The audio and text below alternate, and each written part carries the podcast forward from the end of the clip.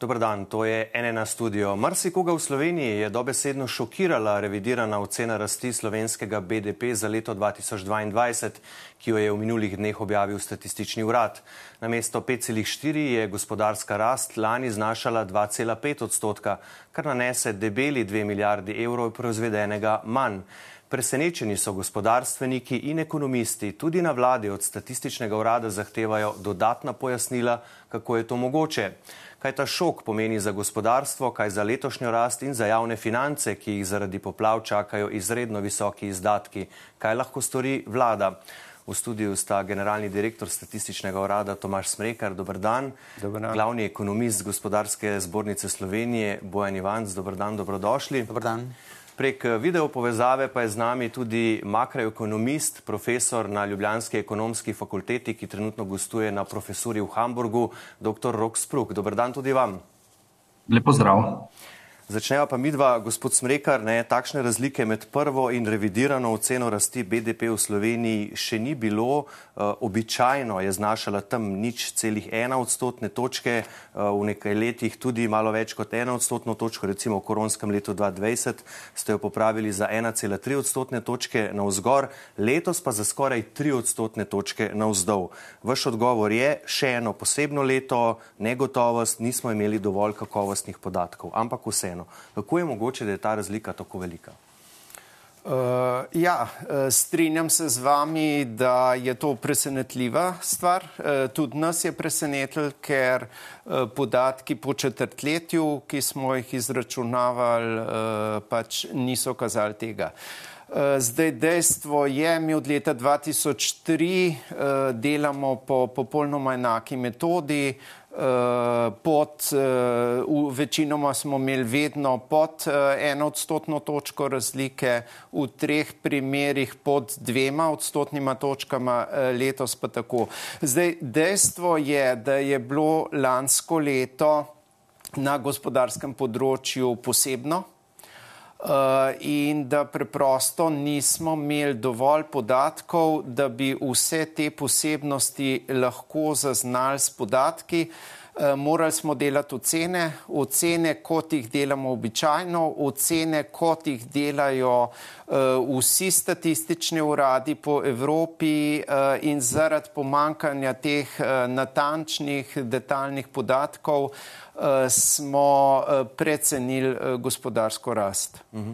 Tudi vlada vas je zdaj pozvala, da v čim krajšem času celovito pojasnite razloge in ugotovitve, zakaj je do tega prišlo. Boste to storili, torej dodatno pojasnjevali in kako v bistvu razumete ta poziv, morda kot nekakšen prvi korak k vaši razrešitvi? Uh, to bomo seveda storili. Uh, mi imamo intern rok, da bomo do povdne uh, v ponedeljek to pripravili. Zdaj jaz razumem to, da so podatki tako pomembni, da je treba poznati vse ozadje. Uh, tako da pozdravljam to, da razčistimo situacijo, tudi da ima SURS možnost danes v vaši vdaji predstaviti. Uh, in, uh, in to je to. No. Uh, zato, ker če govorimo o tem, da so podatkovne osnove za te četrtletne podatke v izrednih situacijah šipke, potem pa moramo po drugi strani reči, da te podatki, ki jih kasneje dobimo, torej časovno kasneje, ko naredimo že prvo predhodno oceno. Eh, te podatki so pa zelo zanesljivi eh, in tudi zaradi zanesljivosti teh podatkov eh, pač lahko z gotovostjo trdimo, da je razlika taka, kot je.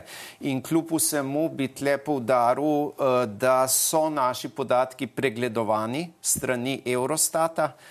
Eh, da v zadnjih letih ni bilo nobenih pripomp, eh, tudi eh, do sedaj nismo mi dobili nobenih pozivov z Eurostata, ne bi pojasnili kakšne stvari. Eurostat tudi občasno ima misije v Sloveniji povezane z nacionalnimi računi In eh, stopna tveganja za zanesljivo slovenskih podatkov o uh, bruto domačem proizvodu je nizka. To nima velik uh, držav nizke stopne tveganja. Je pa ravno zato, ker imamo zelo dobre potem te podatke, ki jih dobimo maja, zaključni računi, to so letna poročila in tudi iz teh podatkov smo mi dejansko videli, kje smo uh, pač pri ocenah bili netočni v četrtletnih podatkih. Ne vidite pa teh uh, pozivov vlade, kot sem vprašal, kot nek prvi korak vaše razrešitve, so morda kakšni pritiski prihajali strani vlade v tem tednu, v tem času, ste kaj takšnega doživeli? Ne, ne, ne. Uh -huh. uh, ne mislim, tle je treba zelo jasno povedati, da Na nas uh, ni pritiskov, uh, nikoli ni bilo to s polno odgovornostjo, trdim. Uh -huh. Eh, tako da eh, tudi po uh, zakonodaji, po slovenskem zakonu o državni statistiki, po evropskem zakonu o državni statistiki smo mi strokovno neodvisni in moram reči, da v Sloveniji to neodvisnost udejanjamo z lahkoto, brez problema. Uh, tudi v tem tednu je ta sklep vlade, ki smo ga videli včeraj, ampak to je to in mi seveda bomo pripravili zelo izčrpno poročilo, ker se bo lepo videli, kaj se dogaja. In ni bilo poziva kot stopu, niti ne boste tega naredili, če ne, to razumem. Ne, uh, ne. Uh, gospod Ivanc, vi vse čas v bistvu pregledujete te podatke sproti, če tako rečem, a ste pričakovali, da bo rast na koncu tako nižja in ali morda vidite še kakšen razlog, poleg teh, ki jih je navedel že gospod Smrekar? Torej, res je, uh, analitika GZS je aktiven uporabnik statističnih podatkov. Rekel bi, da verjetno je Umar Banka Slovenija sta ena izmed še bolj intenzivnih, ampak seveda tudi naš oddelek dejansko dnevno spremlja ključne podatke, ki so relevantni za gospodarstvo uh, in seveda pač tudi podatki o gospodarski rasti za nas so zelo pomembni tako da mi jih pregledujemo na četrtletni ravni, pregledujemo ocene in seveda, koliko četrtletne ocene že po četrtletjih kaže relativno na visoko rast, potem seveda tudi naša napoved za aktualno celo leto sledi nekako tem aktualnim podatkom. Torej, po domače povedano, če smo recimo že v lanskem letu v prvih treh četrtletjih imeli recimo potencijalno visoko rast, je seveda tudi bila naša celoletna rast precej blizu tisti, iz prvih treh četrtletij, kljub temu, da smo v zadnjem četrtletju medletno seveda pričakovali upočasnjeno rast zaradi same energetske krize. Torej, kar pa lahko tukaj rečem, je, da spoznali smo, da v bistvu strižejo podatki, torej na četrtletni ravni, Eh, s tistimi pri gospodarskih družbah, ki so bile objavljene v mesecu maju se strani IPES-a, namreč te letni podatki gospodarskih družb in samostojnih podjetnikov so nekako dodatna vhodna informacija v letno oceno bruto domačega proizvoda. In ko smo nekako videli te podatke in jih uparili nekako porasti z nacionalnimi računi, smo pač videli, da dejansko 2 milijardi evrov je, je bila verjetno rast previsoka rast dodane vrednosti, nominalne dodane vrednosti. Ne? In posledično sem tudi jaz takrat napisal en članek aktivno v delu, uh, ker sem se sam spraševal, nisem bil seveda prepričan čisto v svoje razmišljanje, ampak sem ga nekako delil za splošno javnostjo, mora biti je pa tukaj nekako nastala napaka. In potem, ko sem šel zopet malo globje pogledati, kje je nastala, torej poznamo tri različne metode merjenja bruto domačega proizvoda. Najbolj znana javnost je izdatkovna, druga je proizvodnja. Uh, predvsem po izdatkovni ravni me je presenetila ta revizija, namreč običajno so revizije, kada so nekoliko bolj izrazite, povezane z revizijo pri zalogah ali pa pri. Uh, ali pa pri investicijah v osnovna sredstva. Torej, največkrat je na tem delu obstaja neka revizija. Tukaj pa dejansko je bila na potrošnji gospodinstvu zelo visoka revizija. Nekako, dve, tre, nekako realna rast potrošnje gospodinstva je bila dve tretjini nižja od prve ocene.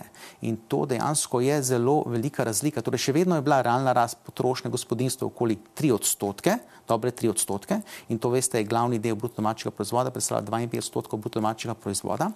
In v bistvu to nam pa je nekako logično. Veste zakaj? Ker lansko leto smo imeli visoko inflacijo, realni dohodki so upadali. Uh -huh. In da ti vidiš eno leto, ko realni dohodki upadajo, pa imaš zelo visoko, predhodno 9-odstotno realno rast potrošnje gospodinstv, so to zelo veliko škarje, so zelo velike škarje, ki jih povsem ne pojasni razlika v, v pacu uh, naklonjenosti vrčevanja gospodinstv.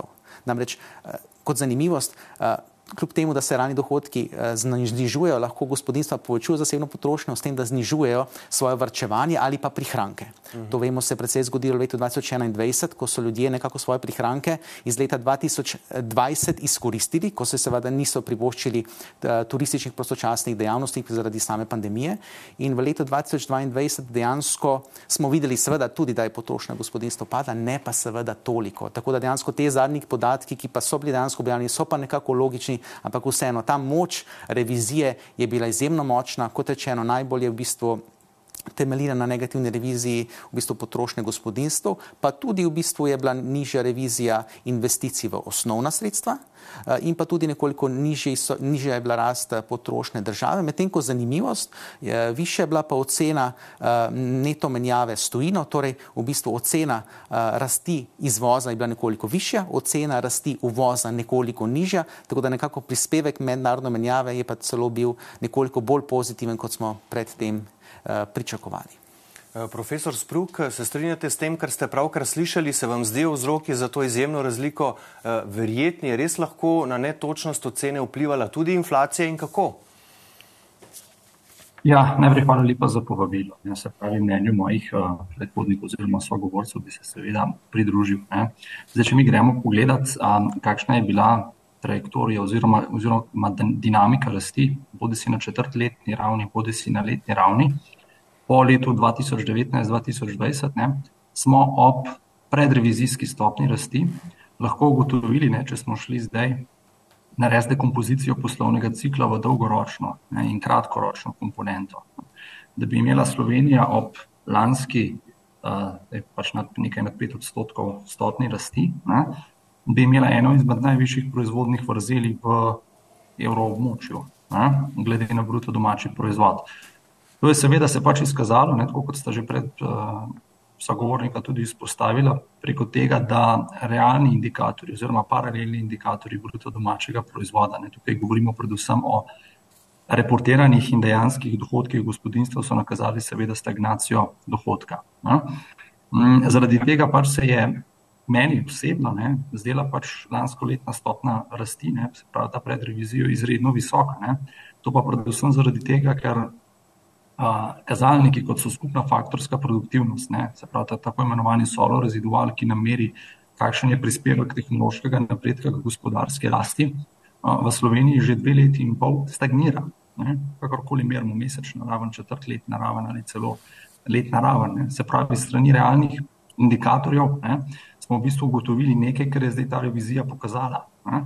Um, zaradi tega je pa seveda tudi potrebno povedati, ne, da kakršni koli pritiski vlade ne, na neodvisne agencije, kot je pač statistični urad, no, absolutno nedopustni. Ne.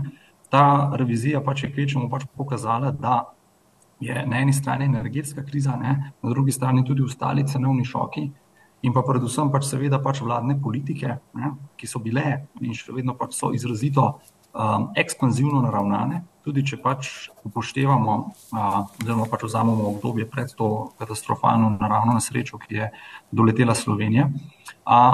Se pa moramo vprašati, ne, ali, je ali je multiplikator državnih izdatkov dosegel želeno raven. Se pravi, ali je BDP se povečal za en evro v odziv na en evro povečane državne porabe. Ne. In tukaj mi ugotovimo, če gremo oceniti multiplikator te državne porabe. Ne v zadnjih dveh letih, da je ta multiplikator blizu ničle. Se pravi, da nas visoka stopna rasti pač ne more presenetiti. Povem tudi to, da pač vsa ta državna poraba se ni reflektirala v dvigu zasebne potrošnje, kjer smo videli, da je prišlo seveda do največje revizije. A, zdaj, vprašanje je, kaj seveda pač narediti. Treba je jasno pogledati, kakšna je bila efektivnost vladnih politik ne? in pa predvsem to, zdaj seveda, kako, kakšni so naslednji koraki z vidika pač slovanja ekonomskih politik. Ne? Zdaj, par nas ekonomistov nas je že upozarjalo, da so bili koraki, ne, ki jih je vlada obrala v smeri izrazito ekspanzivno usmerjene fiskalne politike, ne, preuranjeni, Ne, predvsem zaradi tega, ne, ker očitno smo imeli tipični učbeniški primer inflacijskega pregrevanja a, samega gospodarstva. Ne. A, zdaj, seveda, strošek tega pa je, ne, tako kot smo pač recimo videli, zdaj, da imamo, smo imeli v zadnjih dveh letih izrazito tudi nadpovprečno rast deleža javnega dolga v bruto domačem proizvodu. In zdaj seveda to pomeni, da pač vsi nadaljni državni izdatki, če se bo pač vlada eh, jih nadaljevala, bodo šli pač v smer, da se nam bo pač breme financiranja dolga izrazito povečalo. Ne. Je pa seveda tudi potrebno povedati še zraven dve stvari. Ne. Se pravi, na eni strani, da, kot sem že povedal, te revizije je treba imati skrajno resno. Uh, jaz sem bil presenečen, ne, da vlada zahteva ne, dodatna pojasnila od statističnega urada, ker kot je že kolega oziroma sogovornik povedal, veste, kdo se spozna na statistično reportiranje, tudi tisti, ki pač kakšne nove statistične tehnike razvijamo, pa vemo, da je to podvrženo standardom vsaj znotraj Evropske unije zelo, zelo visoke kakovosti. Tako da, da bi prišlo tukaj do neke statistične anomalije ali si diskrepance. Skoraj neverjetno. Ne? Nam pa pove, seveda, to dosti o tem, pač kakšen je dejanski strošek, ne, v smislu izgubljene gospodarske rasti, na eni strani se pravi preveč prociklično, ekspanzivno naravnane fiskalne politike. Ne. A, in tega pač se morajo pri nas novalci politik zavedati, ne, da pač ni potrebno zdaj iskati grešnega kozla v neodvisnih agencijah, kot je statistični institut, ampak ne, raje pogledati sebi v ogledalo in evalvirati, se pravi, dejansko učinkovitost, ali pa pač pomankanje učinkovitosti teh ekonomskih a, politik, za katere pa seveda vemo, ne, da so nam privedle do visokega javnega dolga ne, in da je v primerjavi z drugimi evrskimi državami, se pravi, makroekonomska prognoza za obdobje dveh, lahko celo treh let bistveno slabša. Ne. In brez gospodarske rasti, in pa predvsem, seveda, brez rasti produktivnosti dela, ne, za katero mi že vemo, da. Uh, že šest ali sedem let stagnira v primerjavi z jedrno Evropsko unijo, ne se pravi EU15, brez te rasti produktivnosti se ne, ne obeta popolnoma nič dobrega. Uh -huh. uh, gospod Smrekar, ne samo to, ne, da vlada pričakuje dodatna pojasnila, pričakuje tudi, da pojasnite, ali in kako popravek BDP za lani vpliva na ocene rasti BDP v letošnjem letu. Kakšen bo torej ta vpliv? Zdaj o številkah ne morem in tudi ne smem govoriti, ker imamo protokole na statističnem uradu, da vsi uporabniki dostopajo do informacij istočasno.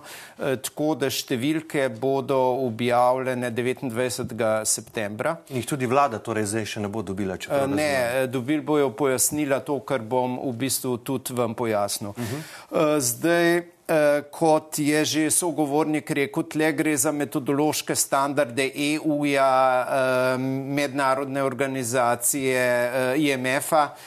Tako da standardi so odlični. No? In po teh standardih, te standardi sledijo po eni strani, da bi bili podatki čim hitreje objavljeni, ker so tako pomembni.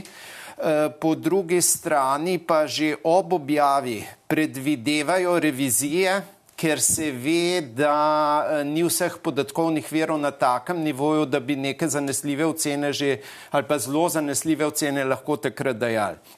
Tako da uh, predvideni postopki z metodologijo so, uh, da bomo mi te kvartalne podatke za lansko leto glede na rezultate letne revizije Eh, pač posodobili. In te podatki bodo objavljeni, eh, to je en del zgodbe, eh, drug del zgodbe pa je, sredi novembra bomo objavili tretje četrtletje letošnjega leta in spet metodologija predvideva revizije tudi za predhodna četrtletja, ko je na razpolago več podatkov, zdaj vemo, da bo več podatkov, tudi te podatke, o katerih danes govorimo, so vhodni podatki, tako da vse to bo, uh, bo upoštevano. Kaj pričakujete vi, gospod Ivanc, v povezavi s tem? Ste vi, najbrž ste vi lahko malo bolj konkretni. Jaz bom kar zelo konkreten. No, jaz dejansko pričakujem pozitivno revizijo realne in nominalne rasti. V prvem polletju po naših okvirnih izračunih je bila realna rast, oziroma po sursovih podatkih okoli en odstotek realno, nominalno mislim, da je bila okrog 5, 6, eh, tako da jaz tukaj pričakujem, da bo pozitivna revizija, torej da se bo pokazalo, da je bila rast v Sloveniji še nekoliko višja. Eh, kaj so ključni razlogi? Še vedno vidimo, so določeni indikatorji eh, v storitvah gradbeništva, ki so bili v prvem polletju še vedno relativno močni. V industriji se je sicer situacija nekoliko slabšala, vsaj kar se tiče industrijske proizvodnje, ampak smo vsaj nekako izgubili malo korelacijo med industrijsko proizvodnjo in pa dodano vrednostjo. Torej, v nekaterih dejavnostih celo industrijska proizvodnja upadla, pa dodana vrednost zrasla. Uh, tako da to so recimo določene uh, elementi, ki me navdajajo z veliko verjetnostjo, da bo revizija pozitivna.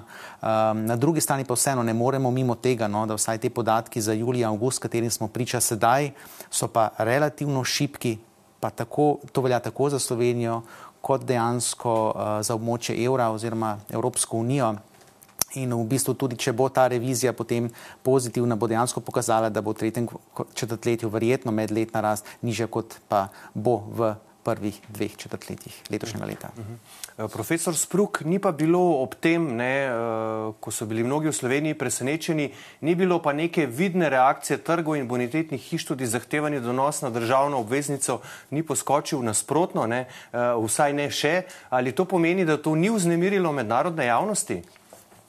Veste, nam mednarodne bonitetne hiše, ne, se pravi ta velika trojka ali kateri koli pač analitični oddelki, bodi si centralnih bank, bodi si drugih inštitucij.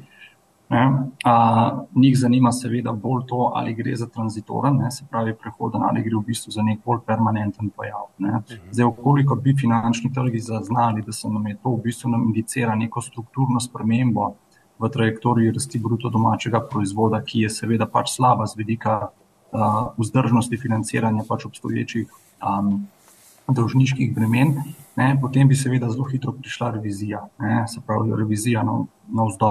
Zdaj, seveda, zdaj, dokler je ta makro outlook, ne, se pravi ta prognoza, seveda še relativno stabilna, ne, dokler je tukaj še neka negotovost glede uh, revizije, ne, se pravi, kakšna bo dejansko realizirana stopna in istočasno, kakšni so seveda pač obeti za bodoče, ni pričakovati neke hujše reakcije. Okolikor bi pa videli, ne, se pravi, nam bi pa strukturni model, ne, ki ga ocenjujemo ne, in preko katerega seveda mi vidimo, kakšen je zdaj seveda pač a, odziv ključnih makroekonomskih agregatov, ne, se pravi na revizijo rasti bruto domačega proizvoda. Ne, tukaj radi uporabljamo tako imenovane impulzne responsivne funkcije z dinamičnim multiplikatorjem in okolikor bi videli, da je odziv, ne, se pravi, da, ta, da je ta efekt več kot tri četrtletja ne, ali celo več kot eno leto na četrtletni osnovi negativen in ustrajen, takrat je pa zelo verjetno, da bi mednarodne bonitetne hiše reagirale in makroekonomski outlook, ne se pravi, obete Slovenije znižale tudi s prilagoditvijo bonitetne ocene. Moramo pa tudi tukaj vedeti, da omenili a, a, kolega in sogovornik je omenil tudi to, da a, so slabi obeti v evroobmočju. To nas ne sme presenetiti. Ne, nas ne, sme, ne sme nas pa presenetiti, predvsem zaradi tega, ker je v zadnjih dveh letih, ne, se pravi Evropska unija in Evropska komisija ne, in tudi države članice, glede marsikaterih pač ekonomskih politik, skrenila v bistvu z tiste poti, ki zagotavlja v bistvu trajno, vzdržno in relativno solidno gospodarsko rast. Ne. Ste, Evropa je, Evropska unija je, kako bi rekel, del sveta, kjer ne poznam drugega dela sveta, kjer bi imeli v veljavi več kontraproduktivnih zelenih politik, ne, ki seveda pač samo povečujejo stroške financiranja elektroenergentov, ne, se pravi ostalih energentov in seveda to, koliko so stroški inputa visoki in ustrajajo, to seveda niti za industrijsko proizvodno, niti za dodano vrednost ni nobena nikakršna dobra, dobra novica. Ne. Zato nas v bistvu pač in, in istočasno ne, imamo tudi tukaj še dejavnik rapidno starajoče se populacije, ki je zelo prisotna v Evropski uniji. Slovenija je po dinamiki staranja prebivalstva številka dve ali tri v Evropski uniji, skupaj z Grčijo in Portugalsko. In to seveda pač fiskalno vzdržnost financiranja javnega dolga samo še poslabšuje. Tako da je samo vprašanje časa, kdaj bodo na te neugodne, bodi se javno finančne in tudi negativne demografske trende tudi reagirali mednarodne bonitetne agencije. Kdaj bodo, gospod Ivan, kaj pravite? In kako to, da zdaj niso še? Um, to je res stvar za finančne trge. Jaz sem delal v preteklosti v finančni industriji in verjemite mi, da napovedovanje razmer na obvezniškem trgu v prihodnosti je enako povezano z precej večjimi negotovostmi, kot je pa napoved gospodarske rasti. Mimo grede, uh, to je odvisno od več dejavnikov. Uh, stroški zadolževanja so v prvi meri odvisni uh, od v bistvu, kako, kakšna je nekako kakšne so nekako obrestne mere, kakšna je nekako netvegana obrestna mera.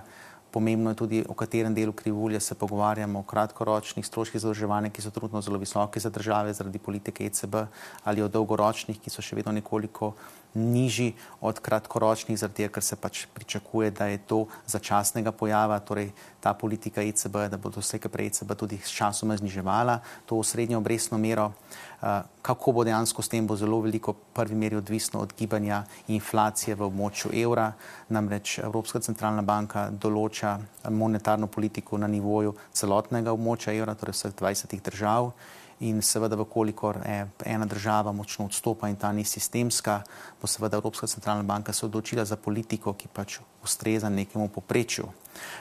Z tega vidika, kar je tukaj pomembno, da odgovorim kar direktno vprašanje, jaz sem si pogledal podatke na obvezniških trgih po objavi, torej ali so se stroški zadolževanja za Slovenijo kaj povečali in pa ali so se te stroški zadolževanja povečali bolj ali manj, kot so se za Nemčijo. Uporabil sem pogled na desetletno slovensko obveznico, primerjal razliko v stroških zadolževanja med Slovenijo in Nemčijo in prišel do zanimivih zaključkov. Uh, prišel sem do zaključka, da se dejansko rahlo dvignila v bistvu obrestna mera na desetletni dolg za Slovenijo nekje na 3,4 odstotka, medtem ko zanimivo se je razlika do Nemčije, torej to zadolževanje do Nemčije, pa se pa celo nekoliko znižal in sicer zgor na 85 bazičnih točk napram Nemčiji, torej po domače povedano za nič cela 8,9 odstotne točke plačujemo tržno gledano več na svoj desetletni dolg, vkolikor bi ga izdali napram Nemčiji. Jaz mislim, da trgi v bistvu niso tako osredotočeni na to revizijo BDP, problematično bi bilo, če bi dejansko bila velika revizija pri dolgu ali pa primankljaju, kljub temu, da seveda to vpliva tudi na dolg in pa primankljaj, ki jih dejansko trgi merijo v relaciji na BDP in nekako z nižjim nominalnim BDP-jem se dejansko povečuje fiskalni deficit v BDP-ju in pa dolg v BDP-ju, ampak še vedno je javni dolg pri 70 odstotkih BDP-ju s trajektorijo padanja v prihodnosti. Jaz sem dejansko, je naša služba tudi v bistvu kontributor za Focus Economics Eastern Consensus, kjer so številne neodvisne inštitucije, ki nekako isto napovedujejo Sloveniji gospodarsko rast, uh, gibanje ja, javnega dolga in pa primakljaja in tam dejansko ni bilo v zadnjih mesecih nekaj sprememb, nekaj negativnih sprememb, trajektorija rasti in gibanj so še vedno relativno ugodne. Ja, kar ste omenili, ne, uh, torej se je povečal dolg države z 69,9 odstotka BDP na 72,3, primankljaj pa na 3,1 odstotka. Je še kakš, kakšen bistven podatek, na katerega to to uh, znižanje uh, vpliva, gospod Smrekar? Uh, ne, bi, ne bi mogel odgovoriti.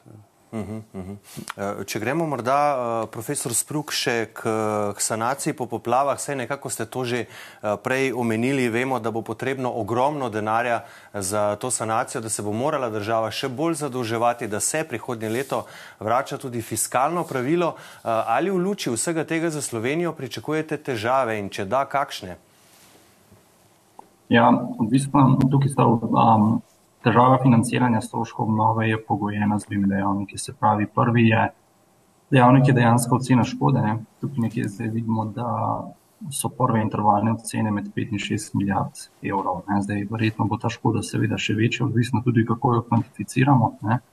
Vprašanje je, ali smo pri škodi tudi upoštevali indirektne stroške, ne, se pravi začasne izpade iz ponudbenih verik, ne motne prometa, prometnih povezav in tako naprej. Um, težava, ki bo pa tukaj pa predvsem nastala, je pa ta, da zaradi povečanja javnega dolga, kot je bilo pa že omenjeno, se pravi na 72 odstotkov bruto domačega proizvoda, je fiskalna kapaciteta vlade ne, za poseganje po ali rednih ali izrednih proračunskih sredstvih, ne se pravi v okviru tekoče porabe ali v okviru rebalansa, relativno slaba. Ne. To je pač seveda pač posledica preteklih politik, ne, ki so privedle do tako uh, strmega povečanja deleža dolga v bruto domačem proizvodu. Um, težava tukaj bi seveda bila lahko deloma omiljena, ne. Uh, se pravi težava, da ne, bi, da ne bomo zdaj pač v prihodnih letih na račun tega akumulirali visokih proračunskih primankljajev. Uh, um, ki nam bi v bistvu seveda pač javno finančno stabilnost lahko resno zamajali, je pomembno se pravi, da vlada tudi tukaj poišče druge vire, ki so na razpolago. Um, eden izmed teh virov seveda ne. Ne, malo, če gledamo retoriko, vidimo, da vlada se zelo rada zanaša na pomoč iz evropskih sredstev. Uh, sredstva, ki so Sloveniji dosegljiva, so sredstva, ki so potencijalno dosegljiva. Ne, se pravi, um, če se dobro črpajo. Ne. Slovenija je pripar seveda pač hitrosti in učinkovitosti črpanja evropskih sredstev, nažalost, ne, uh, uvrščena med najslabšimi državami v Evropski uniji. Drugi vir sredstva je pa seveda tudi to, da vlada ne bo mogla se samo zanašati na povečanje davčnih obremenitev, bodi si preko solidarnostnega prispevka, bodi si preko splošnih davčnih stopenj pri dohodnini, ne, ampak bo mogla v bistvu pač radikalno, ne, se jaz bojim, prestrukturirati svojo davčno politiko. Ne. Se pravi, to pomeni, da na mesto obdavčitve dela in kapitala, ne, ki ima visoke stroške z vidika izgubljene uh, učinkovitosti ne, in tudi upada rasti produktivnosti, bi bilo bolj smiselno, da del teh sredstev v proračun, se pravi, priteče preko potrošnih davkov. Ne. Tukaj bi lahko razmislili o a, dodatni obdavčitvi ne, oziroma uvedbi trošarin na sladke pijače, na alkohol, ne, na hitro hrano, se pravi nekaj, kar povzroča visoke stroške javnemu zdravstvenemu sistemu in istočasno, da bi razbremenili obdavčitev dela in kapitala. Ne. Zato, ker okolikor pač seveda bo obdavčitev visoka, se lahko zgodi, da bo priliv v fiskalno blagajno manjši od pričakovanega, ne zaradi standardnih razlogov, ki jih poznamo. Ne. Se pravi, visoke davčne stopne ne, delu, ne vplivajo pozitivno niti na zasebno potrošnjo, ne kaj šele na investicije v osnovna uh, sredstva. Ne. Zdaj, seveda, druga stvar, drugi kanal, preko katerega je pa potrebno umiliti ne, strošek sanacije poplav, je pa ta, da se pač vlada bolj zanaša na mednarodne sredstva. Ne, Ne, tukaj vidimo, da je zelo, kako bi rekel, uh, živi v konfinah, ne, se pravi v omejitvah Evropske unije. Ne. Dobro bi bilo, recimo, da bi povabila k obnovi mednarodne investitorje, ne, države, ki imajo nepovratna sredstva za pomoč. Ne, tukaj govorimo o Turčiji, o Saudski Arabiji, ne, o Indoneziji, ne, Avstraliji, Novi Zelandiji. Ne. In seveda v zameno za to bi lahko tem državam ponudili neke preferenčne bilateralne investicijske pogodbe. Ne. Um, V nasprotnem primeru pa seveda se bojim, da veste, financirati 6 milijard evrov je zelo, zelo, zelo težko. Ne? Ob tem, da pač vi istočasno ne poslabšujete ekonomske učinkovitosti za uvedbo dodatnih davkov. Ne? Zdaj seveda zgolj uvajanje novih davkov in istočasno povečanje državne porabe ne, nam bo lahko ustvarilo zelo slab učinek, se pravi na eni strani na javne finance, na drugi strani pa tudi na same uh, obete za bodočo gospodarsko rast, rast industrijske proizvodne in tudi, kar je pomembno, tudi za rast zasebne potrošnje. Gospod Ivanca, vi pričakujete morda tudi za kakšne posledice, ki bi jih lahko čutila slovenska podjetja zaradi te uh, niže številke BDP za lani? Tako govorimo o neposrednih posledicah, ki bi jih lahko čutila. Um, dobro, poglejte, če pogledam malo v preteklosti, veliko takrat so imela podjetja v preteklosti pri veliki finančni krizi težave zaradi splošne tveganosti same države Republike Slovenije uh, in so zaradi tega v bistvu izgubljali določene posle ali pa so bili kupci nenaklonjeni podpisu dolgoročnih dobaviteljskih uh, pogodb. Trenutno vsaj temu ne kaže, spremljamo pa tudi mi stalno pač tudi obvezniške trge, da vidimo, kako se Slovenija uh, uvršča glede na druge članice države EU po stroških zadolževanja. Tako da to je tisti fokus. Mi sploh, mislim, gledati, kaj bo kakšna bonitetna agencija določila, je za z mojega vidika povsem nepomembno. Uh, zakaj je povsem nepomembno, ker vedno v bistvu zadeve, uh, zadeve analizirajo z več mesečnim zamikom. Za njih nismo kor država, za njih so kor države večje države, ki imajo večje obvezniške trge. Ne pomeni pa to, da se ne bi kakšna bonitetna agencija recimo zdaj le zmislila in bi želela tukaj narediti iz tega malo večjo, narekovajih, sceno. Uh -huh. uh, ampak tukaj bom jaz kot ekonomist bom zelo objektiven do javnih financ, do same makroekonomske slike in bom pač uh, argumente soočil, vkolikor bo to potrebno pač v korist naše države. Gospod Smrekar, za konec, eh, ali boste ali načrtujete na sursu izboljšavo orodij, ki jih imate za izračune rasti BDP, da se takšni šoki ne bodo več dogajali in če da, kako konkretno? Uh, ja, uh, dejstvo je, da se zadnje dni smo o tem zelo veliko pogovarjali. Odločitev je, da bomo naredili pač strokov neodvisni pregled. Eh, tako da vidimo še, eh, ne vem, out of the box, kako nekdo drug na to uh, gleda. Seveda, tle je problematika virov. In nas bo tudi zanimalo, kako na obstoječe vire, vizavi kakšnim drugačnim dopolnjenim virom, gleda še kdo drug, za razliko od nas. Moramo se pa zavedati, da seveda viri Eh, so obremenitev za tiste, ki poročajo podatke. Recimo za gospodarstvo je seveda minimalno obremenitve nalagamo gospodarstvu. Ne. E, to je pomemben faktor, tako da mi nimamo tle v bistvu prostih rok, da bi se e, zmišljevali in šli v neke velike akcije. Ampak da, e, mi bomo poskušali izboljšati stvari, ne glede na to, kot sem rekel, da pregledi Eurostata eh, niso eh, nakazovali problemov. Eh, jasno pa je, da se soočamo vedno v več letih s krizami in te krize seveda generirajo probleme pri zgodnem ocenjevanju BDP-ja.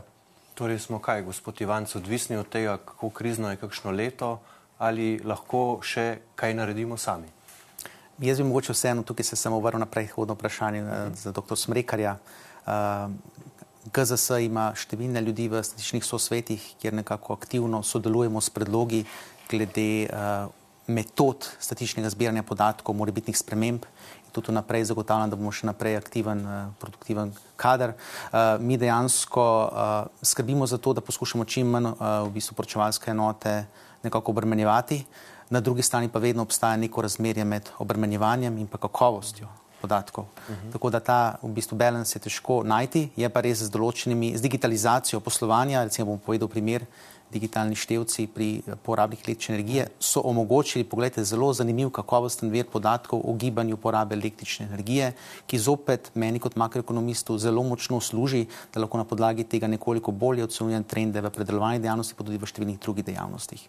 Tako da tukaj napredek se dogaja zaradi tehnologije in um, tudi naprej mislim, da bo statični urad lahko temu sledil in um, statični sosveti so temu namenjeni. Bi k temu kaj dodali? Gospodin? Ja, seveda. E, potrdil bi to, kar se dogaja, torej zelo intenzivno sodelovanje, e, balansiranje tega obremenitve napram e, temu, kaj lahko dobimo. Eh, in pa seveda te eh, nove tehnologije. Tle smo zelo zmanjšali bremena eh, in mi imamo v tem trenutku v razvoju 40 razvojnih projektov in velika večina od teh se ukvarja prav s temi novimi tehnologijami. Tako da ja, tega se zavedamo in smo Eh, tudi zelo aktivni, ne vem, že ne pet let, zelo, zelo aktivni na tem. Bomo seveda z zanimanjem spremljali ta razvoj, še z večjim zanimanjem pa naslednje podatke, ki jih boste objavljali. Eh, za danes pa spoštovani gosta, eh, spoštovana gosta v studiu, gospod Ivanc, gospod Smreka, najlepša hvala, da ste bila z nami. Prosim. Najlepša hvala pa seveda tudi profesorju dr. Roku Spruku in lepo zdrav v Hamburg. Hvala lepa za povabilo. Srečno. Hvala pa seveda tudi vam za vašo pozornost. Ko bodo prišli naslednji podatki, ki nas bodo vse zanimali, jih boste seveda lahko našli na naši spletni strani nnainfo.si. Iz studija pa le še lepo zdrav in nasvidenje.